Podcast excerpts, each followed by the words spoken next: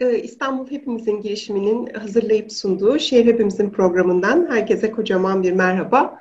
Ee, ben Pınar Uyan Semerci. Bugün e, Özge Nur Korlu ile beraberiz. Ee, kendisi ERG'den uzman. Covid-19 sürecini geçen hafta sanat boyutuyla konuşmuştuk. Sanata olan etkileri boyutuyla konuşmuştuk. Bu kez de eğitimi e, tartışmaya, anlamaya, eğitimin etkilerini birazcık da çocuğun bütüncüllüğüyle, çocuğun iyi olma hali çerçevesinde dillendirmeye çalışacağız. Çok zor bir dönem aslında. Geçen Mart Mart 2020'den beri içinde olduğumuz koşulların çocuklara olan etkisi e, biz büyüklerden çok daha farklı. E, tabii ki eğitim bunun çok önemli bir ayağı ama eğitim sadece eğitim anlamına da gelmiyor. Çocukların sosyalleşmesi, ilişkiselliği, iyi olmanın bütüncüllüğü çerçevesinde de onları çok farklı şekillerde etkiliyor. Endişeleri, merakları, e, nereye doğru gidecekleri hep bir endişe kaynağı onlar için de. Özgen çok teşekkür ediyorum. Hoş geldin. Hoş buldum hocam. Ee, evet, bugün e, birazcık aslında bizim dinleyicilerimiz, e, Medyoskop'un dinleyicileri de aslında ERG'ye aşina ama belki çok kısa yine de eğitim reformu girişimini aktarabilirsen. Çünkü bugün özellikle sizlerle konuşuyor olmak, sizin çıkardığınız raporlar üzerinden konuşuyor olmak çok önemli. E, Covid'den önce de çok önemliydi ama bu süreçte de izlemenin ne kadar önemli olduğunu bir kez daha gördük. Çok kısa biraz bilgi verirsen sonra Covid-19'un etkilerini konuşmaya başlayalım. Tabii. E, eğitim reform girişimi 2003 yılında kuruldu. Türkiye'nin önden e, kuruluşları tarafından destekleniyor. Bu kuruluşların arasında vakıf üniversiteleri, vakıflar, e, özel kuruluşlar var. Aslında bu farklı kuruluşların bir araya gelmesiyle sivil toplum için Türkiye'de iyi bir örnek oluşturduğumuzu düşünüyoruz. E, bu bağlamda da aslında temel çalışma alanımız tek bir cümleyle özetlemem gerekirse tüm çocukların nitelikli eğitime erişimi için çalışıyoruz.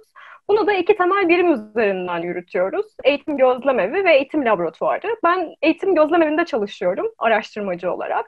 Ee, biz burada araştırma raporları yazıyoruz, izleme çalışmaları yapıyoruz. Yaptığımız çalışmalar genel olarak veri temelli politika oluşturma süreçlerine katkı sunmak ve eğitimle ilgili sorunlarda bir ortak aklın oluşmasına e, katkı sunmayı amaçlıyoruz. Veri düzenliyoruz, veri üretiyoruz bu alanda e, ve çeşitli savunuculuk çalışmaları yürütüyoruz. Bizim yaptığımız araştırmalardan aslında hareketle eğitim laboratuvarı da e, projeler üretiyor e, ağlar oluşturuyor, çeşitli etkinlikler düzenliyor ki bunlardan en çok bilineni aslında Eğitimde iyi Örnekler Konferansı.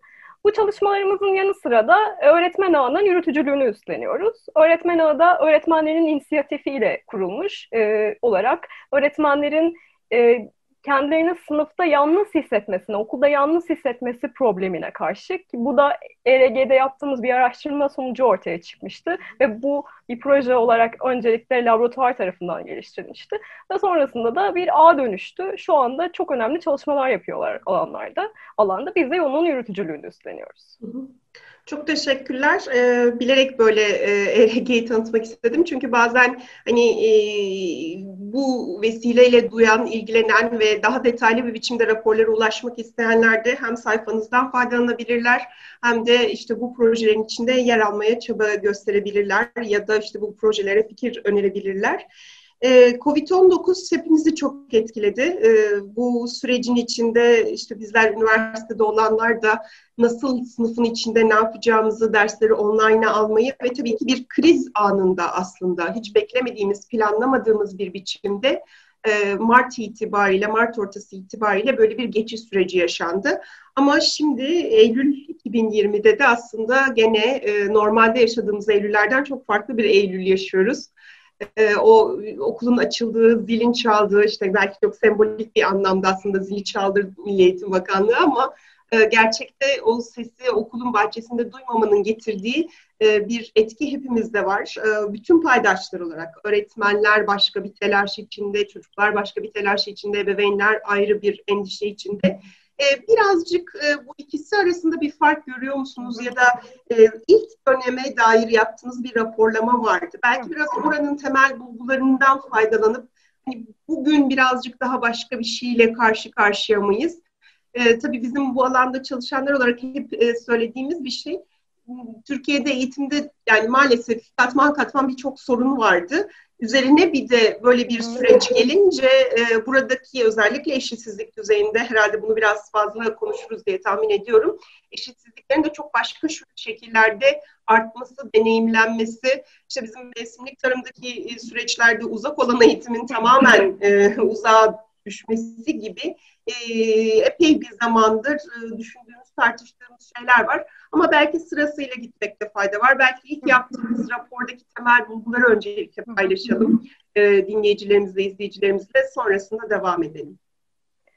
Ee, hocam öncelikle biz her sene eğitim izleme raporları yayınlıyoruz. Ee, bu raporları da son iki senedir başlıklara bölerek yayınlıyoruz. Temmuz ayında da bu kapsamda eğitimin yönetişimi ve finansmanı dosyasını hazırladık.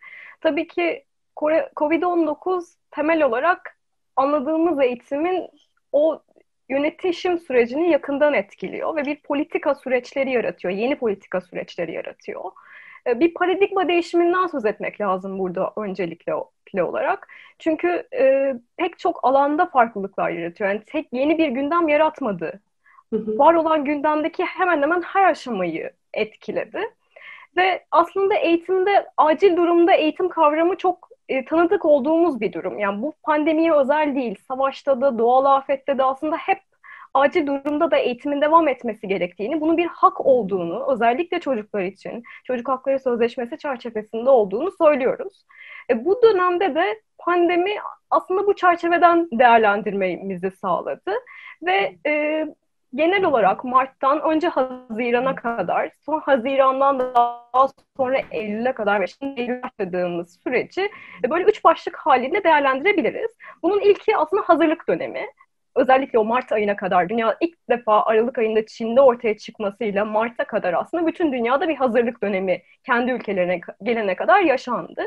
Ee, bu sonra Mart'tan e, özellikle okulların kapandığı döneme kadar yani Mart sonuna kadar, Mart ortasından sonuna kadar da Türkiye'de bir hazırlık ilk müdahale dönemi yaşandı. Nasıl karşılık veririz bu duruma diye. Daha sonra da o okulların kapandığı dönem büyük müdahale dönemi olarak genel olarak adlandırılıyor aslında. Çünkü bu dönemde sadece okullar değil, işle de ara verildi. E, biz bu dönemde aslında çocuklara sokağa çıkma yasağının uygulandığını evet. gördük. E, bunların hepsi hem çocukların iyi olma hali açısından çok önemli bir e, noktaydı.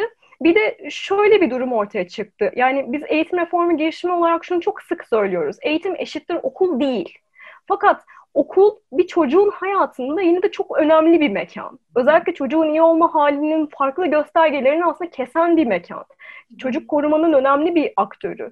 Bunun ortadan kalkmasının aslında çocuğu nasıl etkilediğini de izlemeye, daha doğrusu izlemeyememeye başladık.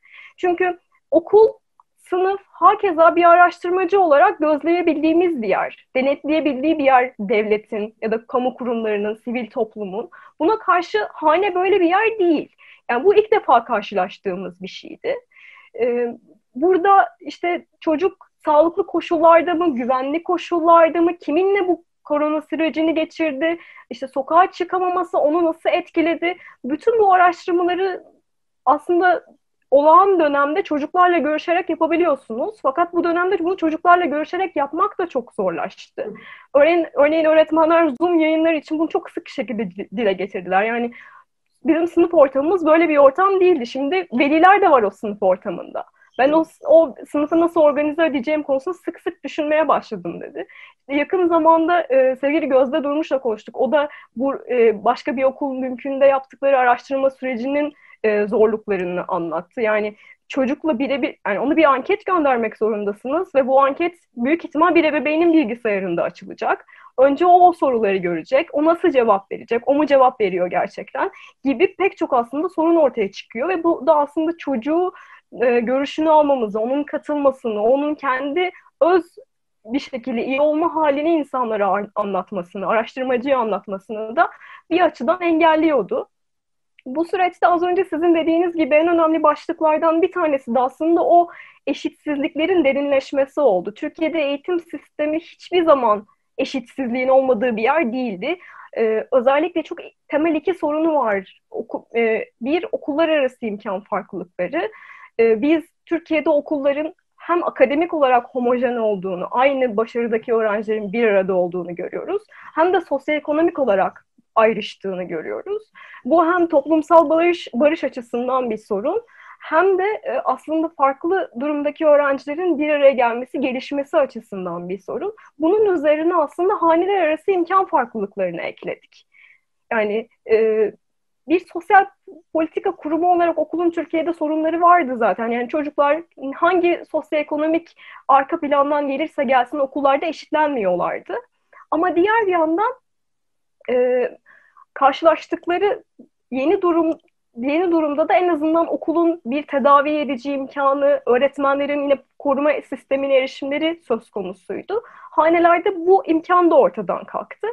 Ee, mesela son dönemde çok kullanılan bir veri seti PISA 2018 ve biz genellikle bunu öğrenci başarısını anlatmak için kullanılıyor. Yani evet. ülkelerin birbiriyle karşılaşması aslında çok ülke detaylı... sıralaması şeklinde evet. daha çok yani hangi ülke daha başarılı çocuk evet. evet. Ama aslında bu veri e, bu anket yani daha doğrusu PISA uygulanırken öğrencilere bir de anket uygulanıyor. Orada da öğrencilerle ilgili hem ebeveynlerinin durumuyla ilgili hem hanelerinin durumuyla ilgili çeşitli sorular soruluyor. Şunun altını çizmek gerekiyor. Bu durum sadece 15 yaşındaki öğrencilere ve PISA sınavına, PISA'daki değerlendirmeye katılan öğrencilerin durumunu gösteriyor ama şimdi uzaktan eğitim dediğimiz şeyde öncelikle çocuğun e, çalışabileceği bir ortamı olmasını bekliyoruz. Bu veriye göre PISA'ya giren her 100 öğrenciden yaklaşık 13 tanesinin evde ders çalışmak için sessiz bir yeri yok. Hani buna odası var mı diye baktığımızda oran daha da yükseliyor. Yani bu nispeten daha iyi olan gösterge. Bir diğer nokta okul çalışmalarında kullanabilecekleri bir bilgisayarı yok. Ki evde bilgisayarı olan çocukların da hani kaç tanesinin kaç çocukla paylaştığını bilmiyoruz. Bu da her 100 çocuktan yaklaşık 33'ünün e, bilgisayarı olmadığını gösteriyor. Ve tekrar söylemek istiyorum. Bu sadece 15 yaşındaki çocuklar için geçerli. Bir diğer nokta internete erişim, cep telefonuyla daha doğrusu erişim. Bu da her çocuktan yüzde üçünün olmadığını söylüyor. Bu hanede olmadığını söyleyen çocukların ikisi. Örneğin evde babanın varsa böyle bir telefonu ve işe gidiyorsa çocuk o durumda ona erişemiyor da demek. Biz böyle göstergelerle de çok karşılaştık. Siz az önce söylediğiniz işte mesleki e, şey mevsimlik tarımdaki durumda oradaki haneler çok büyük oranda bunu söylüyorlardı. Evet benim telefonumdan internete erişebiliyor ama ben tarlaya gidiyorum. Çocuklar burada kalıyor. Nasıl kullanacaklar bunu? gibi sorunlar vardı. Yani aslında Eylül'e kadar geldiğimiz süreç genel olarak bu şekildeydi. Yani şeyi söylemek lazım aslında bu yansıttığımız hatta çok iyi bir e, veri setine dayanıyor. Daha doğrusu hani katılan 15 yaş gibi. Çünkü e, bu oda cümlesi önemli. Bizim ilk yaptığımız çocuğun iyi olma hali araştırmasında e, değişken, daha doğrusu indikatörleri Türkiye'ye e, uyarlamaya çalışırken her bir çocuğun işte odası var mı yok mu genel olarak sorulan bir soruydu. Fakat Türkiye koşullarında biz bunu yatağı var mı yok muya çevirdik ve neredeyse e, aynı oranda yani yurt dışıyla kıyasladığımızda bir yüksek bir oranda hatta işte İstanbul genelinde iç göçle gelenlerde de çarpı 3 çıkacak şekliyle aslında çocukların yatağının dahi olmadığı bir ortamdan bahsediyoruz. Süreçte bir o araştırmadan sonra epey zaman geçti ama hani bildiğimiz bir gerçeklik var ki e, çocukların imkanları, ailelerin imkanları var olan e, ülkenin e, sosyoekonomik farklılıklarını birebir yansıtıyor. Hatta özellikle çocuk yoksulluğu her zaman var olan yoksulluk oranından çok daha yüksek oluyor. Ailelerde çocuk sayısının fazla olması yine benzer sorunları yaratabiliyor. Çünkü e, burada işte o sessiz ortam dediğimizde kendi masası var mı, evde kendisinin kullandığı kaç kitap var, kaç kitabı var gibi belli bir takım sorunları söylediğimizde o soruları aldığımız yanıtlar maalesef çok büyük uçurumları gösteriyor Türkiye'de. Bu açıdan baktığımızda e, erişim sorunu e, sadece ilkokul, ortaokul, lise değil aslında üniversitede bile çok ciddi bir sorun olarak karşımıza çıktı. E, bir de tabii internete erişim yani hem bir bilgisayar altyapı işte e, konsantre bir biçimde çalışacak bir ortamın varlığı yokluğu. Çünkü gene çok kalabalık sayıda kişinin tek bir evde var olması, e, ailelerin aynı odayı paylaşıyor olması birkaç ailenin gibi. Tabii burada işte daha da kırılgan örneğin e, farklı grupları düşündüğümüzde daha da kırılgan gruplarda bu daha da imkansız hale geliyor.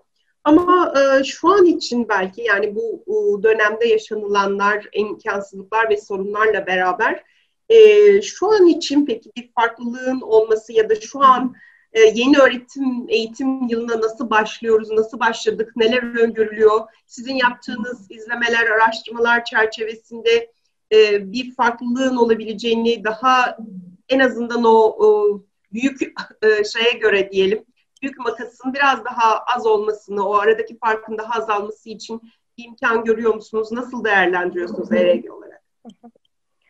Ee, bu süreçte aslında özellikle politika yapıcılar tarafında bir şeylerin öğrenildiğini söylemek mümkün. Ee, yani süreç içerisinde şunun kabul edilmesi bir şekilde sağlandı. Yani buradaki erişim sadece televizyon yayınıyla ya da EBA ile olacak şekilde değil.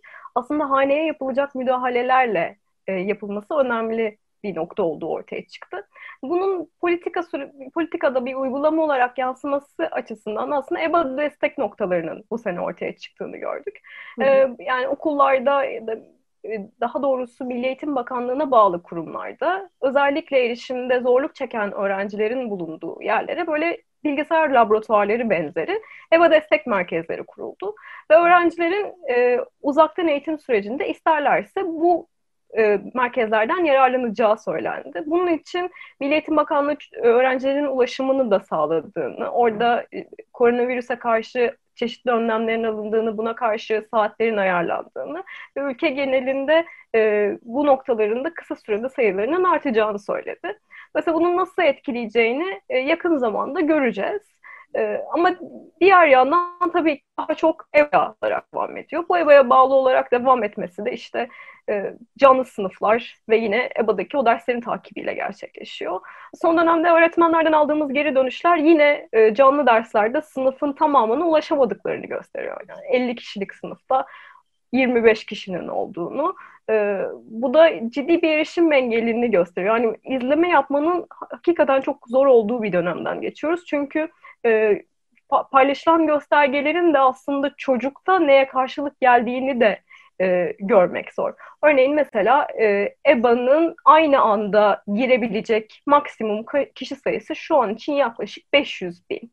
Hı hı. Ama yani norm bizim okul sisteminde aynı anda 17 milyon öğrenci eğitim görebiliyor. Yani bunun ikisinin eşlenik olduğunu söylemek her açıdan çok zor ve hani bu tip teknolojik altyapıları geliştirmek de çok uzun sürüyor. Yani Milli Eğitim Bakanlığı'nın hedefi şu an Dünya Bankası'ndan aldığı kaynaklar dahilinde 2023'te bunu işte 1 milyona pardon 5 milyona çıkartabilmek. Yani yine hala çok daha gerisinde kalıyor 17 milyon öğrencinin. Ee, bu durum aslında birazcık o dijital e, daha doğrusu uzaktan eğitimin hep bu dijitalleşmeyle ilişkili görülmesinden görülmesi birazcık biraz sorun olarak kaynaklanıyor.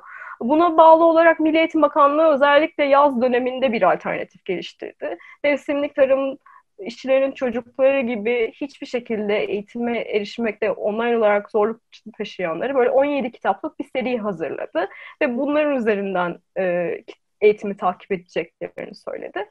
E, burada da yine bir soru ortaya çıkıyor. Yani çünkü bu tip kitap eğitimi verdiğiniz durumlarda da sizinle koordineli çalışacak evde bir ebeveyne ihtiyaç var.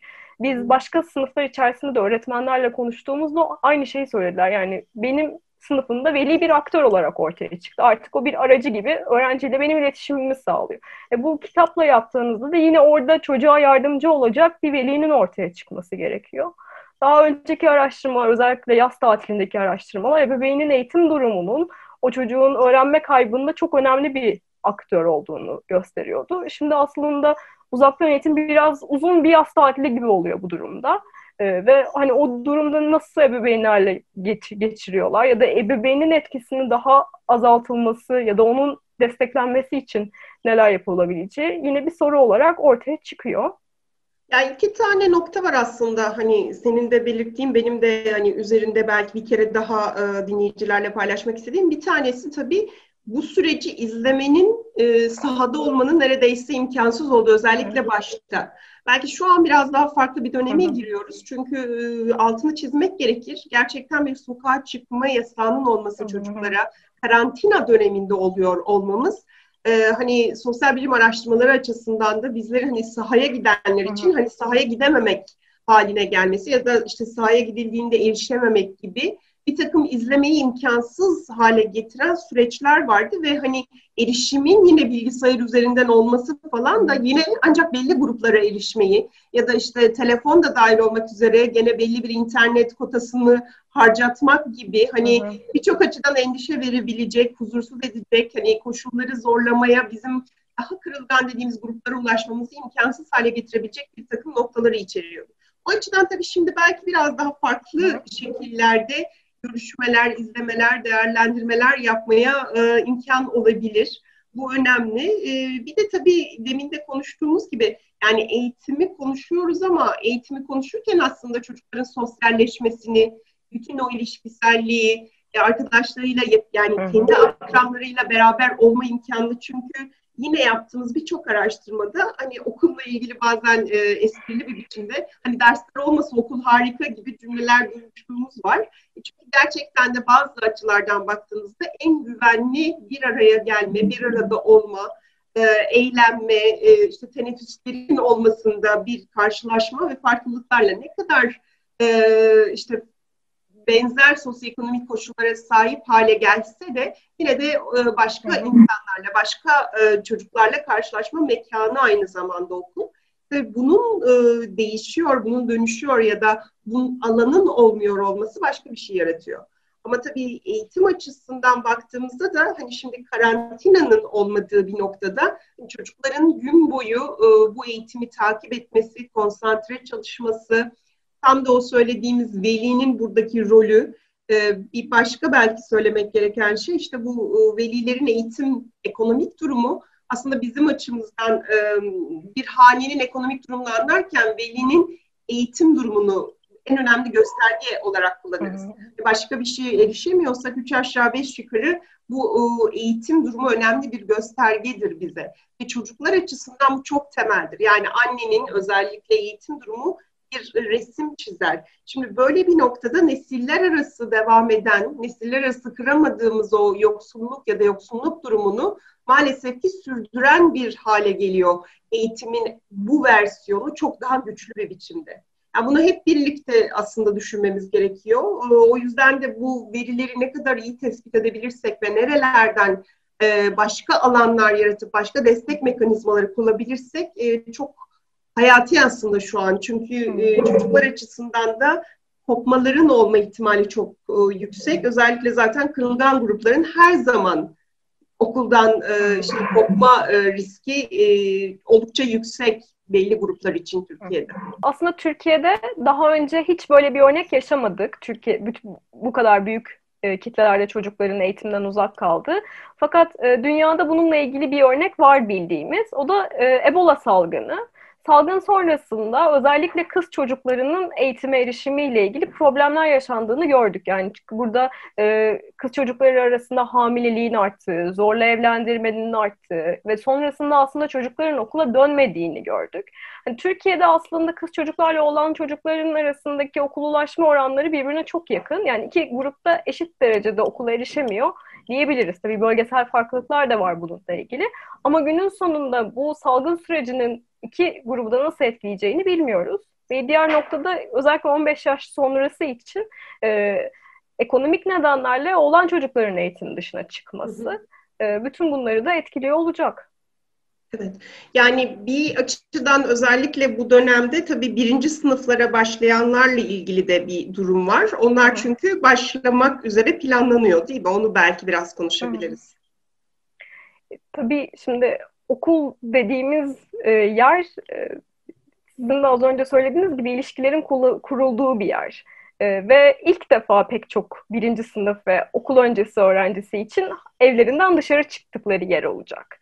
Hı-hı. Ama şimdi pandemi sürecinde bu mümkün değildi bu bir haftada ve onlar aslında okula online olarak başladılar. Çeşitli okulların uygulamaları oldu e, bununla ilgili. Ve öğretmenlerin de bu konuda çok önemli endişeleri vardı. Öğretmen değişim elçileri bununla ilgili bir grup kurdular. Bu sene birinci sınıflarda öğretmenlik yapacak olanlar. Çünkü literatürü de araştırdılar ve hani bu durumda çocukla güven ilişkisi kurmanın nasıl sağlanacağı, sınıf ortamının nasıl sağlanacağı ile ilgili de bir araştırma yoktu. E, o yüzden onların özellikle başlaması çok e, önemli olacak. Bir diğer grup e, dördüncü sınıflar, beşinci sınıflar. Şimdi, dör, e, şimdi dördüncü sınıf, dört artı dört artı dörtte biliyorsunuz dördüncü sınıfın sonunda yeni bir kademeye geçiyor, geçiliyor. Fakat işte bu daha önce beşinci sınıftaydı, dördüncü sınıfa geçti. Hani onun zaten öğrencileri üzerinde nasıl bir etki yarattığını bilmiyoruz. Yani bunun bir sene öncesine çekilmiş olmasının öğrenciye etkisi üzerine bir araştırma henüz yapılmadı. E, bir sene bile orada işte somut işlem dönemine geçildiği için çok önemli aslında. Bir diğer noktada işte o beşinci sınıfta şimdi başlayan başlayanlar yeni bir ortama giriyor olacaklar. Kendi okullarından farklı yerlerde. Onların bir uyum sürecine önümüzdeki dönemde ihtiyacı olacak. Ee, ve şöyle de arada aslında özellikle altı çizilmesi gereken bir grupta ikinci sınıflar. Çünkü onlar sadece bir dönem okula gidebildiler. Sonra birinci sınıftayken ikinci dönemleri uzaktan eğitime denk geldi. Ve özellikle dezavantajlı öğrenciler arasında okuma yazma öğrenmeden ikinci sınıfa geçmiş olanlar var. Çünkü bu dönemde bir ölçme değerlendirme de yapılamadı. Hani biz araştırmacılar olarak izleyemedik ama orada yine e, kamu kanadında da aslında devamsızlık izlenmedi, ölçme değerlendirme yapılmadı. Bu sadece çocukların sınav başarısı ya da öğrenmesi açısından değil, o çocuğa nasıl etki ettiği bu dönemin. Onunla da ilgili bir ölçme değerlendirme yapılması açısından e, aslında gerekliydi. Bir diğer grupta tabii ki 9. sınıflar. Onlar da e, pandemi sürecinde bir sınava hazırlandılar. Bu da ne kadar onları etkiledi bir büyük soru olarak önümüzde duruyor. Ve bu sınavın sonucunda da aslında bir yerlere yerleş, bir okula yerleştiler ve ona da yine e, uzaktan başlamak zorunda kalacaklar. Dokuzuncu sınıf da yine eğitimden ayrılma için önemli bir sınıf. Özellikle bu sınıfın tekrarı sonrasında daha fazla çocuğun e, okuldan ayrıldığına, eğitimden düştüğünü görüyoruz. Dolayısıyla hani bu da bir diğer grup olacak. Bir de e, velilerin e, izin vermesi ya da isteğine bağlı gibi bir durum var. Belki onu da biraz evet. e, anlatabiliriz dinleyicilere. Hı-hı. Çünkü o da enteresan bir süreç. Hı-hı. Diğer e, belki diğer ülke örnekleriyle de karşılaştırarak Hı-hı. eğer elimizde varsa Hı-hı. aktarmak tabii, olabilir. Yani zaten koronavirüste böyle bir çan eğrisi izlemiştik e, okulları eğitim ara veren ülkeler listesinde. Özellikle Haziran'dan sonra aslında da sayının azaldığını e, benim elimde tam 10 Eylül verileri var şu an e, ve o, ona göre e, şu an 45 ülkede e, tamamen okullar kapalı. Türkiye'de bunlardan bir tanesi ama tabii ki eğitim devam ediyor. Yaklaşık 40 ülkede e, akademik tatil bazılarında uzatıldı, bazılarında devam ediyor yaz tatili. Bir kısmında da 35 ülke kadarında da bölgesel tatiller görüyoruz. E, bizim en yakın örneğimiz aslında Avrupa. Avrupa'da özellikle kıta Avrupa'sında, İngiltere'de bölgesel olarak e, okul kapatmaları devam ediyor ama kıta Avrupa'sında genel olarak okulların açıldığını gördük 1 Eylül itibariyle. E, bazı ülkelerde tabii ki bu vaka artışlarına neden oldu. Özellikle Fransa'da 70 yeni vakanın çıkmasına ortaya çıktı. Ama işte e, Almanya'da, Norveç'te, e, Polonya'da gibi bunlarda da okullar açılmaya başlandı. Temel politika olarak aslında şunu görüyoruz. Tabii ki koronavirüs sağlık politikaları eğitim politikalarının çok iç içe geçtiği bir dönem oldu. Evet. Ee, sağlık politikalarında koronavirüsle mücadelede belli bir e, rakama ulaşanlar, özellikle o sayının artmamasını sağlayan ülkeler aslında okulları açma gibi bir yolu izlediler. Ve hiçbir ülkede eskisi gibi açılmadı okullar. Bunun da özellikle altını çizmek gerekiyor. İşte daha küçük gruplar halinde öğrenciler bölünerek, teneffüslerde öğrencileri okulların farklı yerlerine yönlendirerek, sınıf sayıları azaltılarak, e, bazı ülkelerde e, açıl, okulun açılması, kapanma saatlerinin değişmesiyle, e, işte yarım gün uygulamaları başladı. Yarım gün okulda, yarım gün e, evde eğitimler oldu. E, bunun gibi örnekler var ama burada yine altını çizmek gereken bir diğer nokta e, eğer okula açıksa okullar bu okula göndermenin velilere zorunlu olarak duyurulması. Hı hı. E, çünkü öbür türlü dediğim gibi bir ikililik yaratıyorsunuz eğitim sisteminde. Bu nasıl etkileyecek diye. Diğer yandan önemli bir şey çünkü velinin çocuğunu okula göndermek için bir güven de duyması gerekiyor. Çünkü o çocuğun okula duyduğu güveni de yakından etkiliyor o. Yani tabii ki çocuğa aslında bunun sorulması. Sen bak koşullar böyle, onun katılımının sağlanması önemli ama zaten katılım, çocuk katılımı konusunda noktada olduğumuzu hepimiz biliyoruz.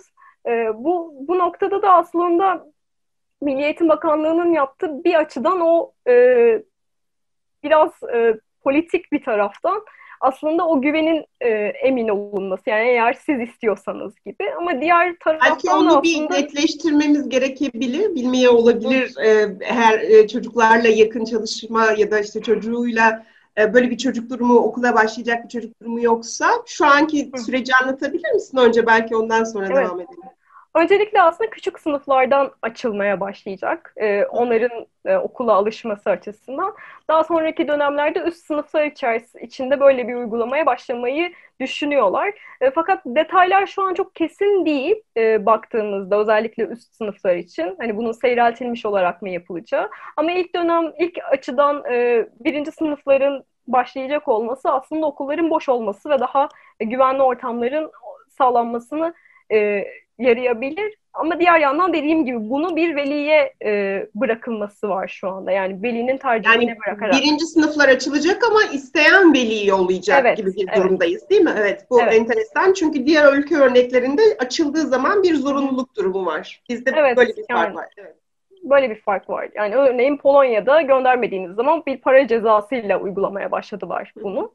Ee, diğer ülkeler yine Fransa'da da e, yine zorunluydu. Böyle Veli rıza formu gibi bir şey galiba değil mi? İmzalaması mı gerekiyor çocuğu yollarken? Ee, öyle bir form olacağı söylendi. Ee, yani e, ama işte tabii ki şu an için e, durum daha netleştiğini daha 21 Eylül ile birlikte görüyor olacağız. E, çünkü açılış tarihi aslında o. E, hı hı. Onunla birlikte önümüzdeki hafta detayları daha iyi e, görüyor olacağız. E, tabii hepsi ayrı ayrı aslında bütün e, noktalarıyla ele alınması gereken başlıklar ama e, birkaç tane aslında altını çizdiğimiz nokta gerçekten çok önemli. Bir açıdan çocuklar gelişim sürecinin içindeler ve okul sadece eğitim değil, onun dışında da çocukların yaşamında çok önemli bir e, alan olarak var ve okulun olmadığı noktada birçok açıdan e, farklı risklere yani çocuk işçiliğinden bahsettik, ev içi şiddetten bahsettik çok farklı alanda e, risklere daha yüksek oranda maruz kalma ihtimalleri var ve işte bu süreci izlemek, takip etmek e, belki de hiç olmadığı kadar e, daha da önem kazanıyor, daha da aciliyet haline geliyor ama bir yandan da daha da zorlaşıyor. O yüzden bunun için e, düşünmeyi, tartışmayı herhalde sürdürmek gerekiyor. E, bu arada sizin bildiğim kadarıyla işte uzun hikaye gibi hikayeleştirme e, Umay'ı da e, burada selamlarımızı yollayalım. E, Umay Aktaş Sağlı'nın uzun süredir aslında yapmaya çalıştığı bir şey bu. bu. Bizlerin biraz daha sayısal büyük verilerle ya da bazen derinlemesine mülakatlarla çıkardıklarımızı e, daha hikayeleştirerek aktarıyor. Buradan e, aktarmak istediğin böyle e, şeyler var mı? Yani biraz bizim işte burada toparlayarak ele almaya çalıştığımız ama hem erişim açısından hem de COVID-19'un eğitime e, erişimde belki öğretmenler gözünden de bakabiliriz. Yarattıkları üzerine hani şunları burada söylemek gerekir dediğin çünkü işte gene bir son beş dakikaya giriyoruz. Hani aktarmak istediklerim var mı diye sormak istedim. Aslında hocam tam dediğiniz yerden veriler ne söylüyor, verilerin arkasındaki hikaye ne söylüyor çok önemli. Ee, Milli Eğitim Bakanlığı'nın bu süreç içerisinde çok sık dile getirdiği bir veri vardı. Çocukların %99'unun evinde televizyon var ve biz bu yüzden aslında bu eğitim dizisini televizyonla başlatıyoruz. EBA sadece internette olmayacak dedi. E, bu görüşmelerden bir tanesinde Umay'ın en son uzun hikayede yazdığı e, da şöyle bir nokta vardı. Bir mevsimlik tarım işçisi aileyle görüştü. Ve onların söylediği bizim evde bir televizyon var, beş de çocuk var ve bir tane de telefon var. Bir te, o telefondan EBA'ya erişebilen o telefondan aslında en büyük çocuk yararlanabiliyor. Çünkü o 9. sınıfta liseye gidiyor, sınava hazırlanacak. E, diğerleri tek televizyondan nasıl dönüşümlü izleyecekler diye biz eve bir televizyon daha aldık diyor. Yani onun erişim aracı olduğu için. E, işte bir diğer az önce de söylediğim önemli nokta birinci sınıflardan ikinci sınıfa geçen dezavantajlı çocukların durumunu aslında yine bu e, yazı dizisiyle duyabiliyoruz. E, işte öğrenmeden ikinci sınıfa geçen durum var. Bir başka nokta aslında okullar açılacak. İşte 21 Eylül'de yavaş yavaş açılmaya başlayacak okullar. Ama nasıl açılacaklar? E, bunlardan en önemli nokta aslında okullar arası imkan eşitsizlikleri demiştik. Okullara giden direkt bir bütçe yok ve her okulun aslında en önemli gelir kalemi de okul aile birlikleri. Bu okul aile birliklerine göre okulların imkanları çok farklılaşıyor. Şimdi hijyenin çok önemli olduğu bir dönemdeyiz. Ee, hijyen araçlarını nasıl alacaklar, personel nasıl çalıştıracaklar. E, Umay'ın görüştüğü e, okul müdürleri de bunu özellikle altını çiziyordu. Bir de bu uzaktan eğitim döneminde çok unuttuğumuz bir gerçek var. Şimdi biz çocukların internet erişiminden söz ediyoruz ama öğretmenlerin de internet erişimle ilgili sorun, e, sorunlar var. Bu da çok sık Umay'ın görüşmelerinde dile getirdi. Yani öğretmenlerin de bilgisayar alması gerekiyor. Öğretmenlerin de internete bağlanabilmeleri gerekiyor diye e, önemli verilerdi. Evet. Yani aslında e, bu Seçbir'in yaptığı dizide de ben e, onu söylemeye çalışmıştım. Aslında e, bir dönemde e, ilk başta tepki duyulan bir şey vardı. İnternet hakkı temel haklardan biri midir diye. Ama gerçekten içinde yaşadığımız çağın farklı boyutlarıyla bakarken e, hele şu an eğitime erişim ve bilgiye erişim aslında e, açısından ve belki sosyalleşme açısından da gerçekten internetin bir temel hak olarak tekrar düşünülmesi ve bunun nasıl e, yaygınlaştırmasının sağlanabileceği, e, öğrencisi olan evlere verilmesi, öğretmenlere verilmesi gibi bir takım e, noktaları belki de düşünmek zorundayız.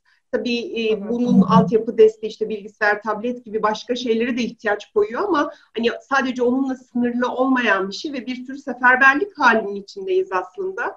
E, maalesef sayılar çünkü daha iyiye gitmiyor, daha riskli bir ortama giriyoruz e, ve hem öğretmenlerimizi hem velilerimizi hem e, çocukları, e, öğrencileri koruyacak bir biçimde e, çok kolay bir şey değil. Yani yanıtını bulmaya çalıştığımız şeyin yanıtı verilmiş ve net olarak neyin yapılması gerektiği çok net birileri tarafından bilinmiyor. Ama belki işte beraberce düşünmeye devam etmek ve burada imkanları, imkansızlıkları koymak da çok önemli. De şeyi söylemekte belki fayda var. Çünkü e, bu konuda da hani özel okulların bir kısmı da işte olabildiğince e, yoğun bir eğitimle öğrencilere ulaşmaya çalışıyorlar. Ama ekran karşısında çocuğun sürekli var olmasının da çok ciddi bir takım sıkıntıları, sorunları, e, benim gibi böyle ekrandan e, çocuğunu uzak tutmaya çalışan ailelerin, babaların, ebeveynlerin e, şu an hani yapamayacağı bir gerçekliğin içine düşmüş olduk.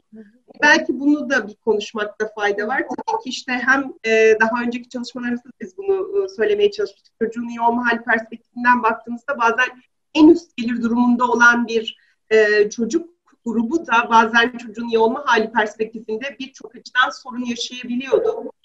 E, bu eğitimin içeriği ve niteliği ve süresi özellikle e, yoğunluğu, e, var olan endişe haliyle de üst üste binince bazen e, çocukları çok zorlayabiliyor. Buna dair de e, bilemiyorum hani hali hazırda bir veriniz var mı ya da ilgili de çalışıyor musunuz, çalışmayı düşünüyor musunuz? Yani bu özellikle zaten bu ilk dönemde Mart'tan Hazir Mart'tan Haziran'a kadar geçen sürede Milli Eğitim Bakanlığı'nın e, da bir politikasıydı o hem ders saatlerinin azaltılması, çok daha kısaltılması ve hem çocukların o pandemi sürecindeki e, güven duyması, risk faktörleri, risk durumunun e, ve bunun aslında bir yandan da eğitimin burada bir onların üzerine baskı ortamı oluşturmaması için bunun için sınav yapılmadığı söylendi, devamsızlık alınmadığı söylendi. E, bu gibi açıklamaları vardı. Diğer yandan ama sizin dediğiniz gibi özel okullardaysa aynı eğitim dönemi sanki okula gidiyorlarmışçasına çocuk e, çocukların bunu bu süreci devam ettirdiğini gördük. Özellikle bu bir haftada özel okullar kanadından duyduklarımız öğrencilerin 8 saat e, ekran başında olduğu şeklindeydi. E, bu durum tabii ki yani bir eğitim ortamı olarak internetin e, daha derinlikli düşünülmesi gerekiyor. Yani bunun kullanım saatleri, çocuğu nasıl etkilediği, bunların üzerinden düşünülerek hareket etmesi gerekiyor. Bir diğer noktada da aslında biz e, Haziran'a kadar geçen sürede özel okulda çalışan öğretmenleri dinledik ve onların aslında ev iş yükünün çok ciddi bir şekilde arttığını e, gördük. Çünkü artık mesai süresi diye bir şey kalmamış durumda. Sizin çıkamadığınız bir mekanda hem yaşıyorsunuz hem çalışıyorsunuz. Benzer bir durum aslında çocuklar için de geçerli. Burada baktığınızda e, sizin okulda bildiğiniz o olağan ilişkiler internete indirgeniyor. Yani teneffüs diye bir alan yok. E, arkadaşlarınızla iletişim kur, kurarken hep bir yetişkinin desteğine ihtiyaç duyuyorsunuz. Ona söylemeniz gerekiyor bilgisayarını açmak için, telefonunu almak için. Eğer daha küçük yaş grupları, çocuklar için söylüyorum bunları. Hani diğerleri için de büyük ihtimal belki bir kontrol mekanizması olarak ebeveyn orada duruyor. Yani sadece eğitim alma boyutuyla değil e, okulu bu ilişkiler bağlamında da değiş düşünmek ve aslında e, erişime daha eğer internet hakkını sağlarsak, insanlara bilgisayar dağıtırsak daha iyi ol, oluru söylerken birazcık da bu noktaları ne kadar sağlayabileceğini konuşmak gerekiyor. Çünkü hani hepimizin ilişkilerine bir yeni biçim verdi e, internet, bu kullandığımız uygulamalar. Bunların çocukların ilişkilerine nasıl etkilediğini onu henüz bilmiyoruz. Hı hı. Çok teşekkürler Özgen Nur. Tabii çok dediğim gibi her birinin altında e, bir program boyunca konuşabileceğimiz, düşünebileceğimiz, tartışabileceğimiz noktalar var başlarken şeyi söylemiştin. Yani yeni bir paradigmanın içindeyiz ve muhtemelen bu sürecin sonunda da aslında eski paradigmaya bir geri dönüş de olmayacak. Evet. Başka bir gerçeklik içinde e, hareket etmeye başlayacağız. Hem eğitim için hem de diğer bütün konuştuğumuz başlıklar için kendi mesailerimiz de dahil olmak üzere e, mesai kavramını gerçekten tamamen e, unuttuk diyebilirim. Ee, çok teşekkür ediyorum. Atladığımızı düşündüğün, eklemek istediğin bir nokta var mı? Dediğim gibi yani her bir boyutunu belki sadece dillendirmekle e, yetindik ama e, ERG'nin e, internet sayfasından raporlara ulaşılabileceğini, daha detaylı bir biçimde okuyabileceğini söylemiş olalım ilgilenenler için. E, eklemek istediğim bir şey varsa onu da alayım. E hocam son olarak aslında başladığımız yerden tekrar e, okulların eğitim sistemi için değil sadece çünkü bunu tekrar söylemekte fayda olduğunu düşünüyorum. Eğitim eşittir okul değil. Fakat bir çocuğun hayatındaki önemine, o bütün çocuğun iyi olma halinin göstergelerini kesen bir noktada bulunduğunun altını çizmek, çizerek ben de son sözü söylemek istiyorum. Hani o yüzden de e, normalleşme tırnak içerisinde sürecinde herkesin sizin de dediği gibi okula çocukların dönebilmesi için bir seferberlik halini alması çok önemli olacak. Çünkü orası çocuklar için çok önemli bir mekan. Zaten öyle karikatürleri de paylaştılar. Her tarafı açık ama bir tek okullar değil gibi. Tabii yani birçok katmanına bakmak gerektiği, e, kapalı mekanların içindeki risklerin çok daha fazla olduğu gibi gerçekleri de göz ardı etmeden ne yapılabilir, e, nasıl daha fazla yapabilir bunu düşünmek zorundayız. E, eğitimin kapsayıcılığı çok uzun süredir kafa yorduğumuz, okul ikliminin çocukları korur bir halde olduğu, riskleri minimize ettiği bir ortam olmasını çok vurguluyorduk. Tabii pandemi başka bir e, gerçeklik içinde bunları çok daha zorlaştırdı. E, uğraşmaya, çalışmaya devam edeceğiz. Sizlere kolay gelsin diyorum. E, yeni verilerle başka bir programda belki tekrar bir araya geliriz. Çok teşekkürler. E, herkese de sağlıklı günler, en başta sağlıklı, e, keyifli günler diliyoruz. İyi akşamlar.